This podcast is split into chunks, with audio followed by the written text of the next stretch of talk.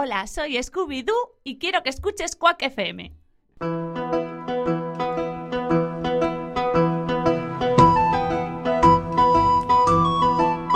Os propoño unha viaxe.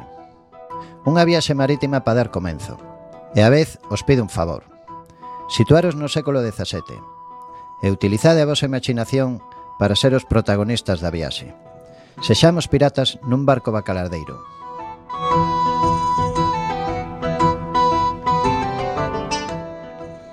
Atopámonos en Terranova, surcando os mares, sempre na busca de novos e enormes bacallaos.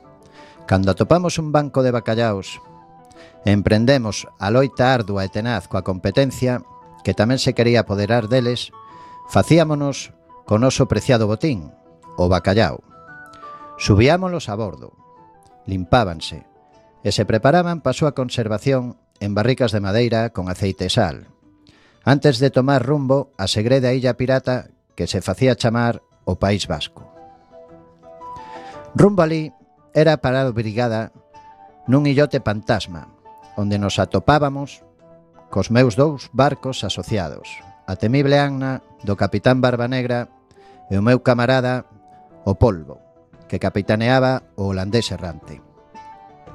Compartíamos experiencias, capturas e repartíamos riquezas coa compaña de ron. Moito ron. Antes de seguir rumbo a cada illa persoal segreda. Un día, rumbo ao País Vasco, o sol bañaba cos seus cálidos rayos o meu rostro e coa brisa con recendo a mar. Chegoume unha belísima voz. Incorporeime buscando de onde viña tan fermoso sonido. De súpeto, vina. Atopábase de costas a min, A súa longa cabeleira caía polas súas costas espidas en sedosos rizos da cor do ceo.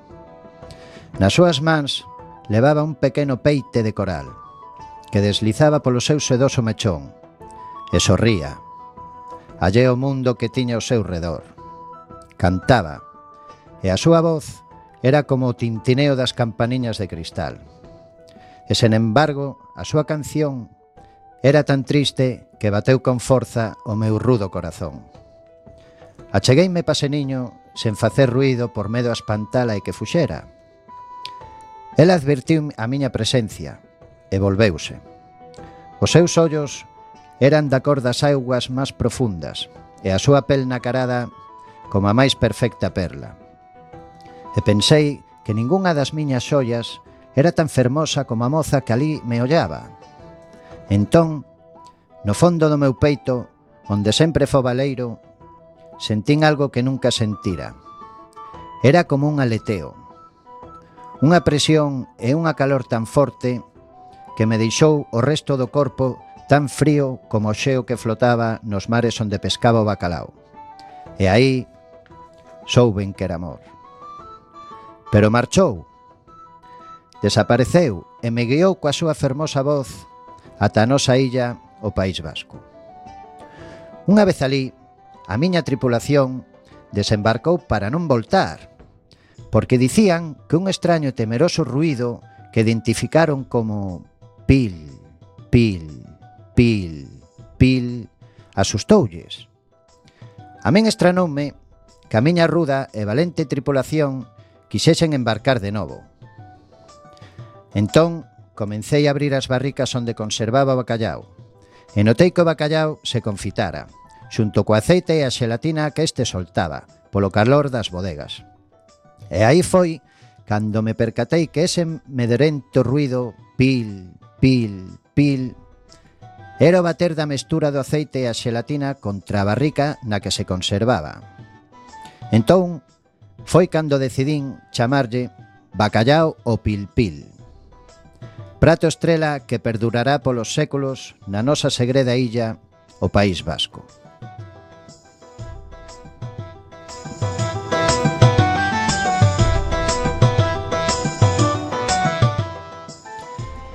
Pero a miña vida seguía baleira, sen sentido, entre botella e botella de ron, e algunha que outra rapariga bucaneira.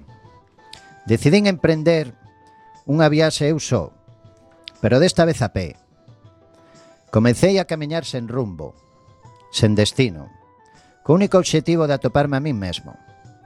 Pasaba polos bosques, montes, enfrontábame a mil perigos, a unha choiva evento demoledor e un sol abrasador. Pero sempre miraba o mar, na busca desa moza que tan prendado me deixou. E así pasaban os días. Un día de noite, que nin o peor dos diaños atreverase a sair pedín pousada unha vella nun lugar chamado Asturias. Ela vendo os meus ollos tristes e sinceiros, aceptou. A cambio de axudala, cun neno que ali se atopaba, e que non tiña máis de dous anos. Fíxenos en dubidar, pois recordábame cando eu era cativo, e simplemente tiña que envolvelo cunhas quentes e sedosas mantas. Arrolábao, mentras a vella me preparaba unha suculenta cea. Colleu un gran filete de tenreira e coas súas tremelicosas, pero en callosas mans aplastouno.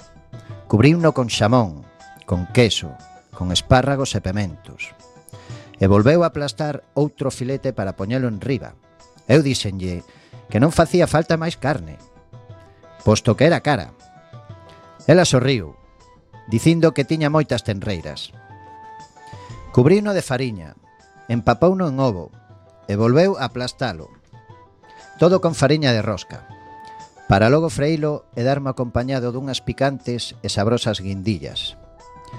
E me dixo, Isto para vostede, por cachopear o meu neto. Eu sen saber o que significaba esa palabra, pregunteille. O cal me respondeu que na súa terra nomeábase desa maneira o que noutros lares chamábanlle rolar dispúxenme a rematar tan suculenta cea e decidín ponerlle o nome de cachopo, que tempo despois se segue desgustando como un dos mellores pratos desta terra máxica chamada Asturias. E me dormín. E soñei con tan fermosa moza que vira na miña viaxe de Terranova ao País Vasco. O espertar, despedíme da bella, mas do xoven cativo, esta fíxome un feitizo para que fora o que fora o que eu buscara, enchera o meu corazón. Coa valentía dun pirata e a ilusión dun neno, dispúxenme a seguir o meu camiño pola costa, coa esperanza de volver a topar con tan bela e enigmática moza, que tan fondo me calara. Un día sentado nunhas rocas, ocorreu o que eu ansiaba. A miña mirada cruzouse coa da linda moza. Eu non daba crédito. A súa cara iluminouse e recordei o feitizo da bella. Tan veloz como poiden, lancei mo mar. A serea asustada fixo por socorrerme, por medo a que poidese morrer afogado. Cando me tocou, toda a miña tristeza desapareceu e sentín unha profunda ledicia. Xuxeitoume forte e me levou ata unha pequena illa. Unha vez en terra firme, Biqueina nos seus beizos. O meu rostro tamén cambiou. Sentí amor por aquel ser tan maravilloso. A serea era especial. Posuía o don de decidir se quería nadar ou camiñar. Pero o seu don só duraría dous días. Desexou camiñar no mesmo momento en que os meus beizos se separaron dos seus. E xusto nese intre, a súa cola transformouse nunhas fermosas e longas pernas. Aparecéronlle unhas curvadas cadeiras e uns pequenos pés. Pasamos dous días naquela illa, sós, namorados. Falábamos dos nosos mundos, tan diferentes o un do outro. Eu faleille do meu navío o suricato. A serea escoitaba tan embelesada o que eu lle falaba que deixou de existir o mundo para ela. O seu mundo era eu, Ela contábame como era vivir baixo mar, como era nadar cos peixes, falar cos delfíns. Faloume das súas ansias de coñecer mundo. Cando despuntaron os primeiros rayos de sol do segundo día, embargoume o medo. Un medo que se instalou no meu peito e non me deixaba respirar. Esa intuición pirata de que algo malo ia pasar. A Sirea explicábame que podería manter as súas pernas para sempre se eu lle xuraba amor eterno e o selaba cun bico. Entón sucedeu o que o meu temor e intuición pirata dicíame. Un dos meus barcos asociados, holandés errante, capitaneado polo meu gran amigo Polvo, tendeunos unha emboscada, facéndonos prisioneiros a Serea e a min. Co único fin de conseguir unhas vaguas de Serea para facer unha apócema que o polvo quería tomar, e así converterse en humano. Asesorado por un temible feiticeiro chegado do outro mundo, leváronnos o seu barco, que permanecía fondeado a pouca distancia dali. Metéronnos en gaiolas e observei como a serea lle desaparecían as súas pernas e lle aparecía unha cola de peixe. Nesa intre lembrei os dous días que pasei con ela na illa e que o meu amor eterno sillo surei, pero non puiden selalo cun bico, para que as súas fermosas pernas e majestuosas cadeiras permaneceran con ela. O polvo, incapaz de conseguir vaguas saladas dela, empezou a torturarme a min. A verse desa maneira, conseguíao. Eu me mantiña como un valente sen ningún ador aferrado ao sufrimento da traición que había dentro de min que o meu amigo Polvo producireame a min. Pero unha noite todo cambiou. A tripulación dormía, bébeda polo ron. E dous exmariñeiros do meu navío, o Suricato, axudáronnos a sair das gaiolas, perdendo así a súa vida. Enfrontámonos nunha infernal loita, a Seré e Maiseu contra a tripulación bébeda, o polvo e o feiticeiro, Foi sinxelo desfacerse da tripulación debido ao seu estado de embriaguez, ficando así o capitán Polvo, o feiticeiro, a Serea e máis eu. Atopábanos fronte ás costas galegas, onde se dicía o fin da terra, Fisterra. O feiticeiro e a Serea loitaron entre eles cos seus poderes máxicos, e eu quixen loitar heroicamente contra o meu ex socio e ex amigo Polvo, debido ao forte odio que lle tiña pola traizón e empuxado por unha forza interior impulsada polo amor da miña serea. Ela, doída tamén e empurrada polo amor e os seus amigos os peixes, venceu o mago. E eu logrei matar o polvo. Non sen antes deixares unha maldición, que cos anos sería unha bendición. E dicía así, Nunca vos desfaredes de min, permanecerei polos séculos nos mares e inundarei do meu ser todas as costas. Daquela que haxa gran cantidade de polvos nas costas galegas. Por iso, actualmente, os polvos se maza antes, como a honra da loita que tivemos. Cócese, sal, pimentón e un bo aceite de oliva e o nominaríamos polvo a feira. Pero a historia non remata aquí.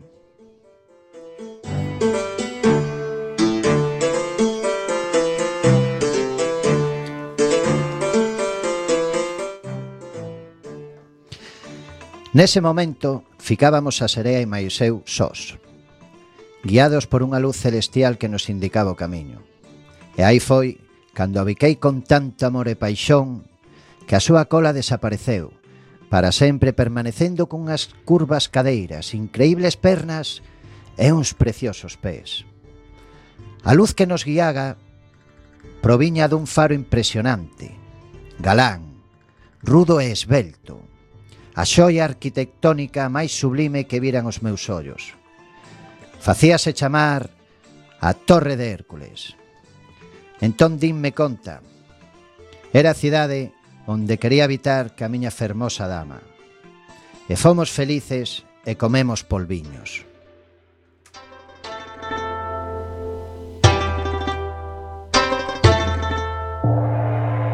Polo amor dunha serea, imaginado por Luis Velasco.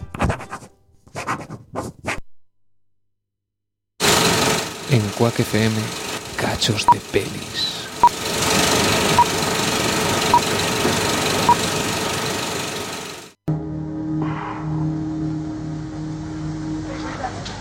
Bien. ¿Don Corleone? Yo necesito un hombre que tenga amigos influyentes y un millón de dólares en la mano. Quisiera, don Corleone, esos políticos que se ha metido usted en el bolsillo, como si fueran calderilla. ¿Qué parte habría para mi familia? El 30%. El primer año ganará usted 3 o 4 millones de dólares. De ahí para arriba. ¿Y cuánto se va a llevar la familia Tataya? Muy astuto, ¿eh? Los Tataya cobrarán lo suyo de mis ganancias. Así que recibo un 30% por financiarle. Influencia política y protección legal. Exacto. ¿Por qué viene a mí? ¿A qué debo tanta generosidad? Si usted considera un millón en mano una modesta financiación, mi saludo, don Corleone.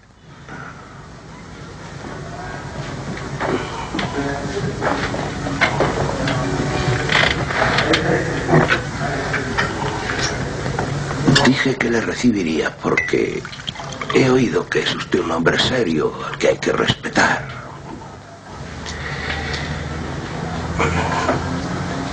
Pero debo contestar que no. Y le daré mis razones. Es cierto, tengo amigos en la política. Pero dejarían de serlo si oyen que ando metido en las drogas en lugar del juego. Para ellos el juego es un, un vicio inocente y las drogas un negocio sucio. Don Corleone. Créame, me es indiferente lo que un hombre haga para vivir, ¿entiende? Pero su tinglado es peligroso. Si le preocupa la seguridad de su millón, los Tataya lo garantizan. Eso ya es otra cosa. Si los Tataya garantizan la inversión.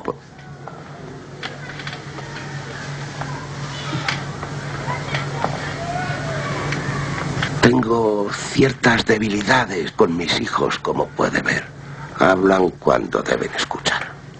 De todos modos, señor Soloso, mi no es firme. Deseo poder felicitarle por su nuevo negocio. Sé que le irá muy bien y es mejor para mí, porque así sus intereses no se enfrentarán con los míos. Gracias.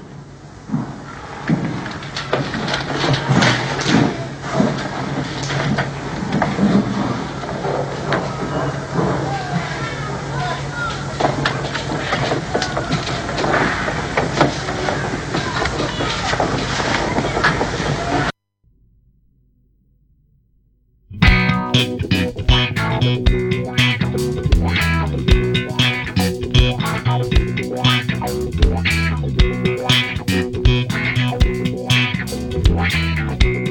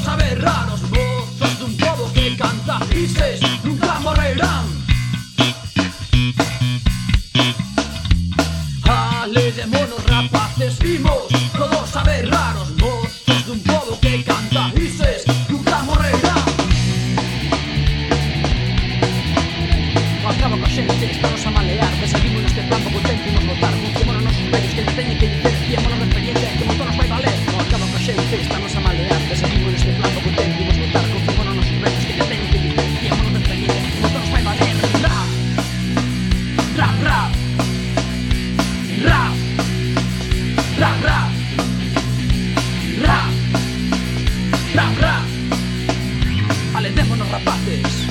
Dimos todos a berrar. Como de un pobo que canta. Esos nunca morrerán.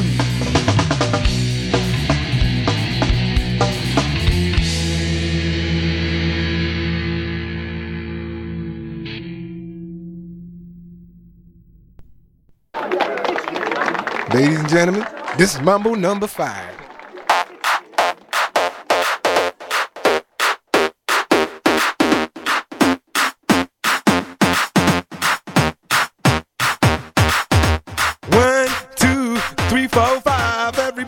the car, so come on, let's ride to the liquor store around the corner. The boys say they want some gin and juice, but I really don't wanna. Por que sempre esquecemos os éxitos dos últimos anos? Yo,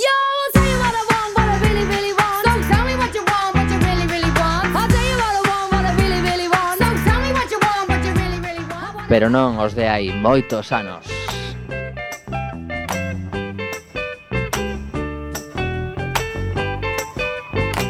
A resposta está no vento e o vento leva as bonitas ondas radiofónicas. Hey, where did we go? Escoita as do 103.4 de Quack FM. Down in the hollow, playing a new game, laughing and a running, hey, hey, skipping and a jumping.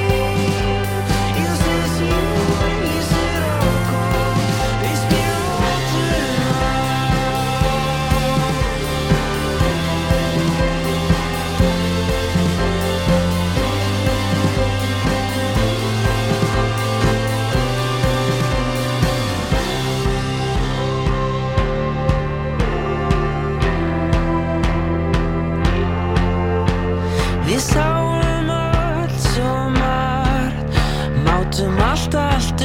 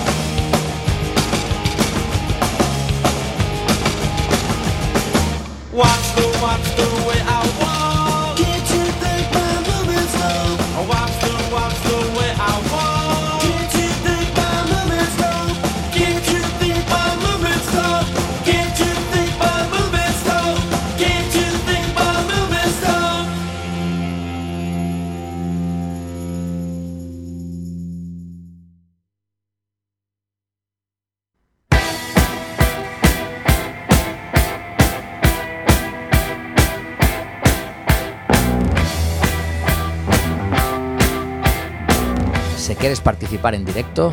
Chama ao teléfono 881 01 22 32.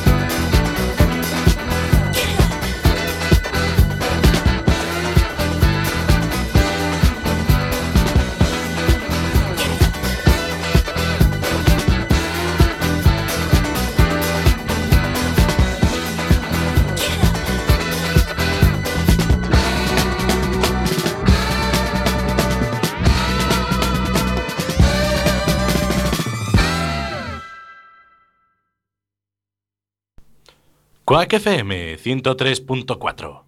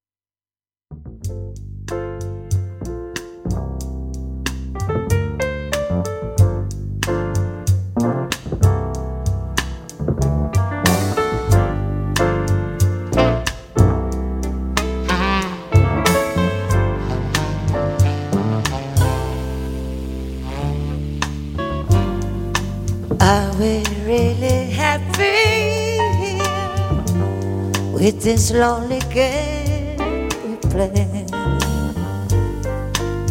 Looking for words to say.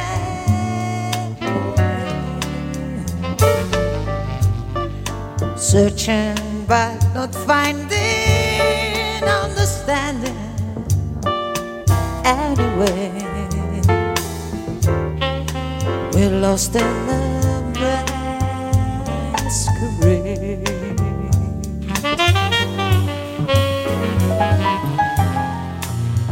But afraid to say that we're just so far away from being close. close together from the start.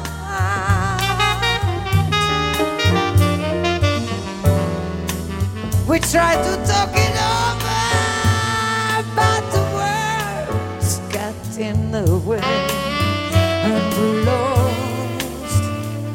inside this lonely game we play. Thoughts of living disappear every time that I see your eyes. No matter how hard,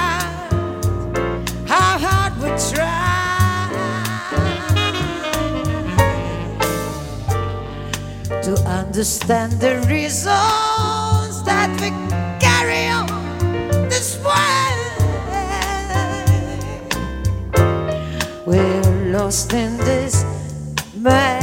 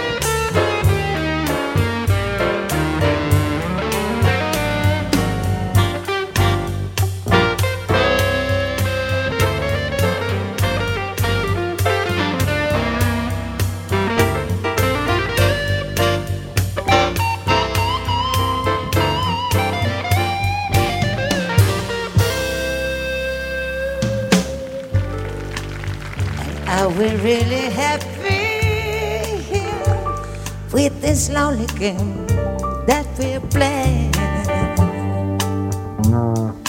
Looking for words to say.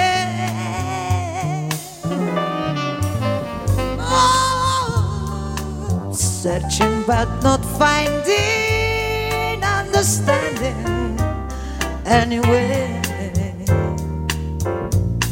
Lost in this masquerade.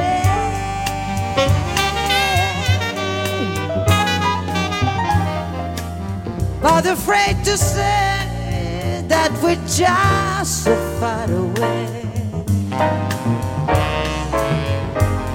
from being close together from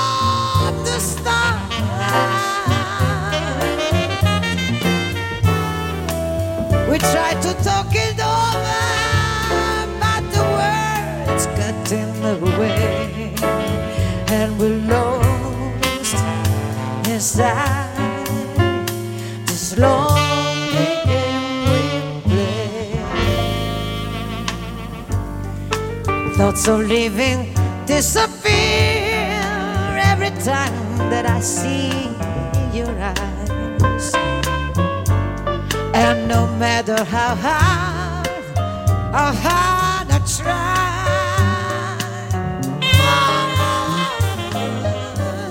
to understand the reasons that we carry on, carry on this way. And we're lost in this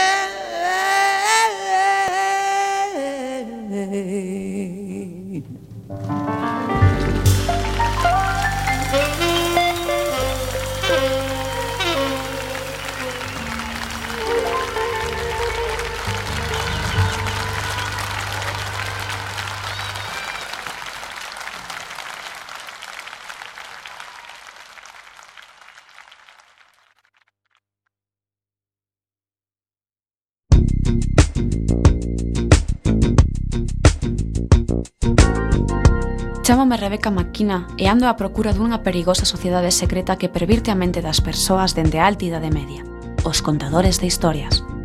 Fomentan perigosos valores como a imaginación e o coñecemento, empregando para elo a ferramenta da lectura. Os poderes remotos elixíronme para atopalos, identificar a súa obra e destruíla. Estas son as miñas aventuras.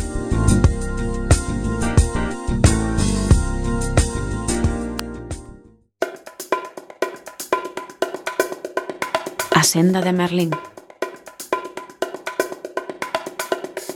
Cheguei a Mondoñedo. A ibrétema e as campás non deixan de soar. É un mal síntoma desta climatoloxía. Cando hai mal tempo, a xente dalle por ler e pensar.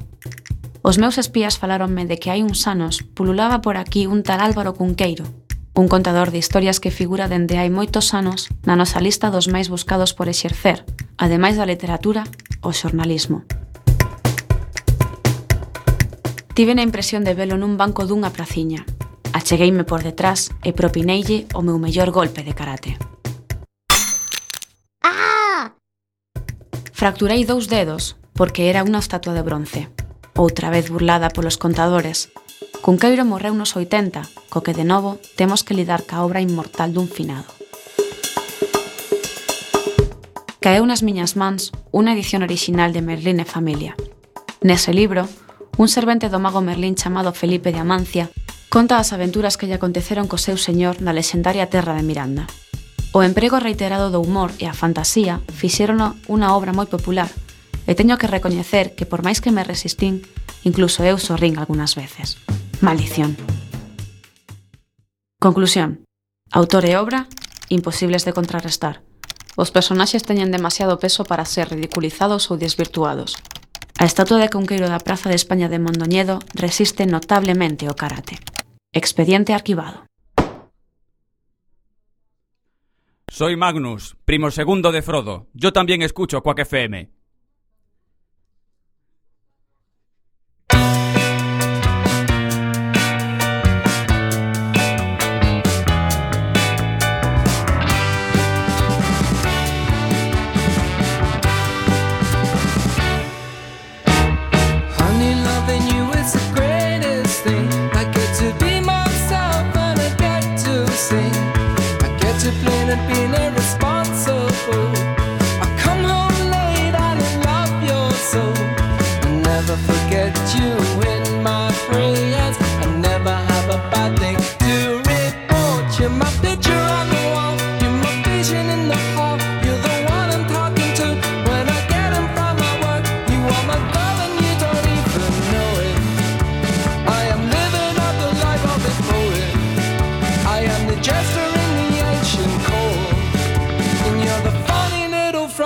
through it.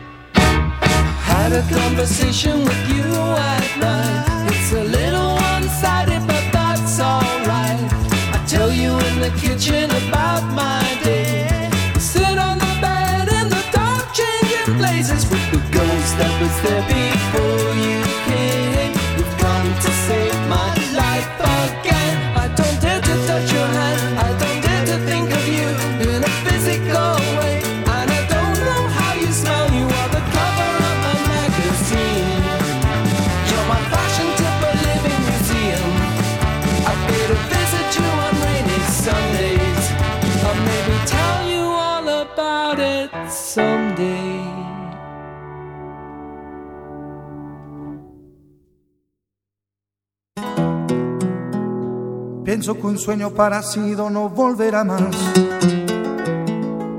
Y me pintaba las manos y la cara de azul.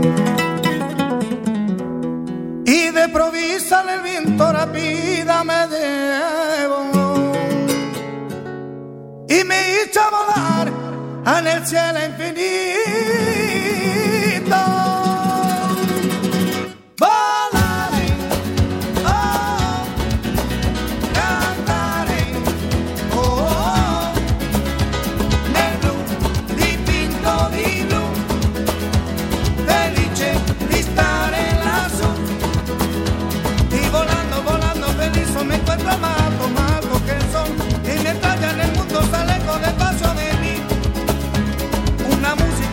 Tocada solo para mí, volaré, oh, cantaré, oh, el blu, di, di, di, di, estar felice, estaré el azul.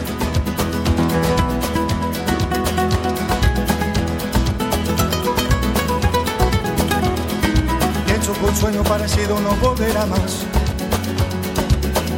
pintaba la mano y la cara de azul. Y de provecho del viento rápido me llevó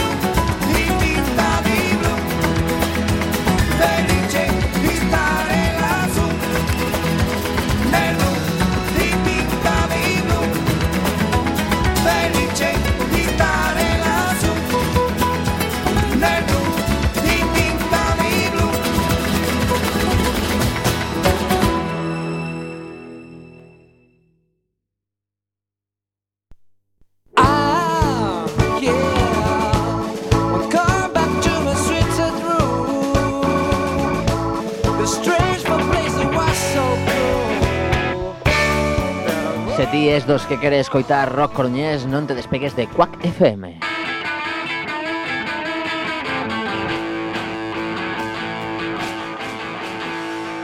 Por aquí pasan todos os grupos da cidade.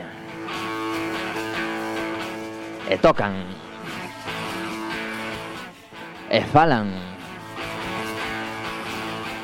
Presentan discos. Se cadra contan chistes. Quack FM, Paraíso Coruñés.